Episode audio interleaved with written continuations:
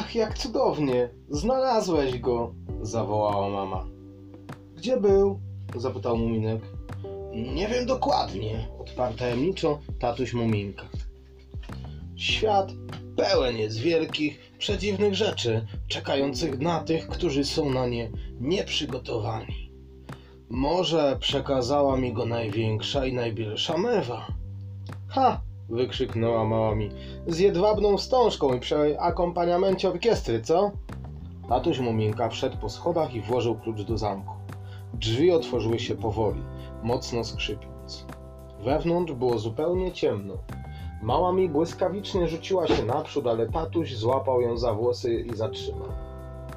Nie, tym razem nie ty będziesz pierwsza, rzekł. Ja jestem teraz latarnikiem, ja wejdę pierwszy. Zniknął w ciemnościach, a mi wsunęła się za nim.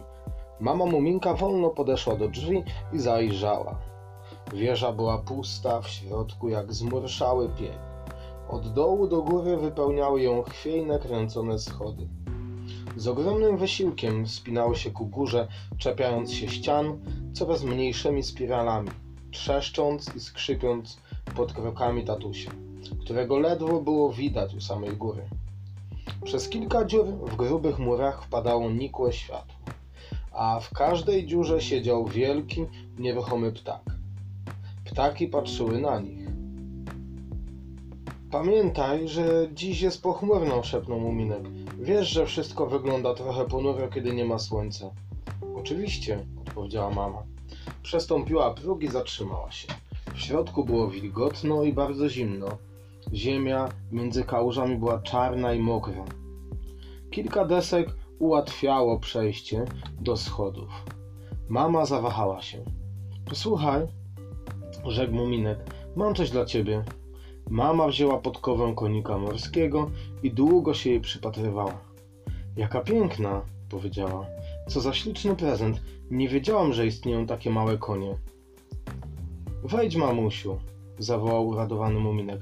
Wejdź, pobiegniemy aż na samą górę. A na górze tatuś stał w drzwiach, mając na głowie jakiś zupełnie inny kapelusz z miękkim, opadającym rondem i wypukłym dękiem. Jak wam się podoba? spytał.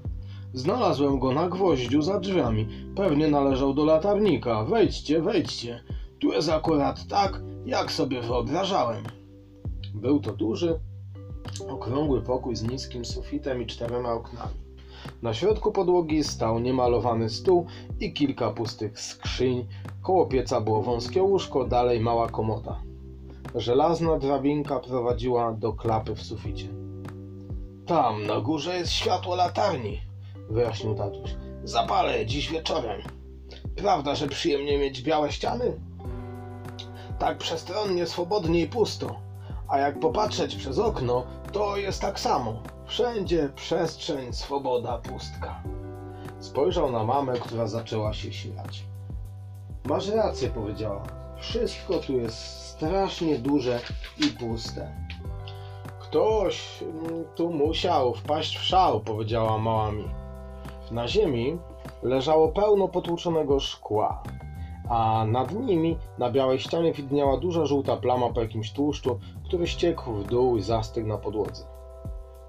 Któż to mógł rozbić swoją własną lampę? Zdziwiła się mama, podnosząc mosiężną oprawkę leżącą pod stołem. A potem musiał siedzieć po ciemku. Przy... Przeciągnęła łapką po stole.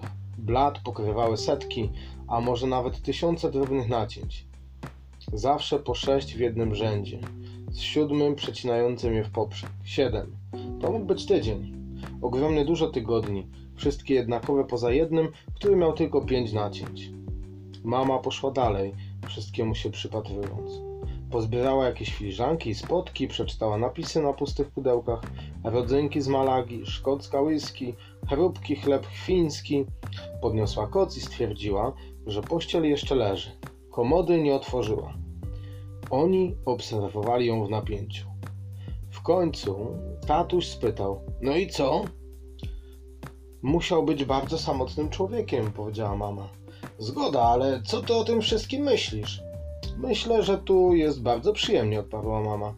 Możemy wszyscy razem mieszkać w jednym pokoju.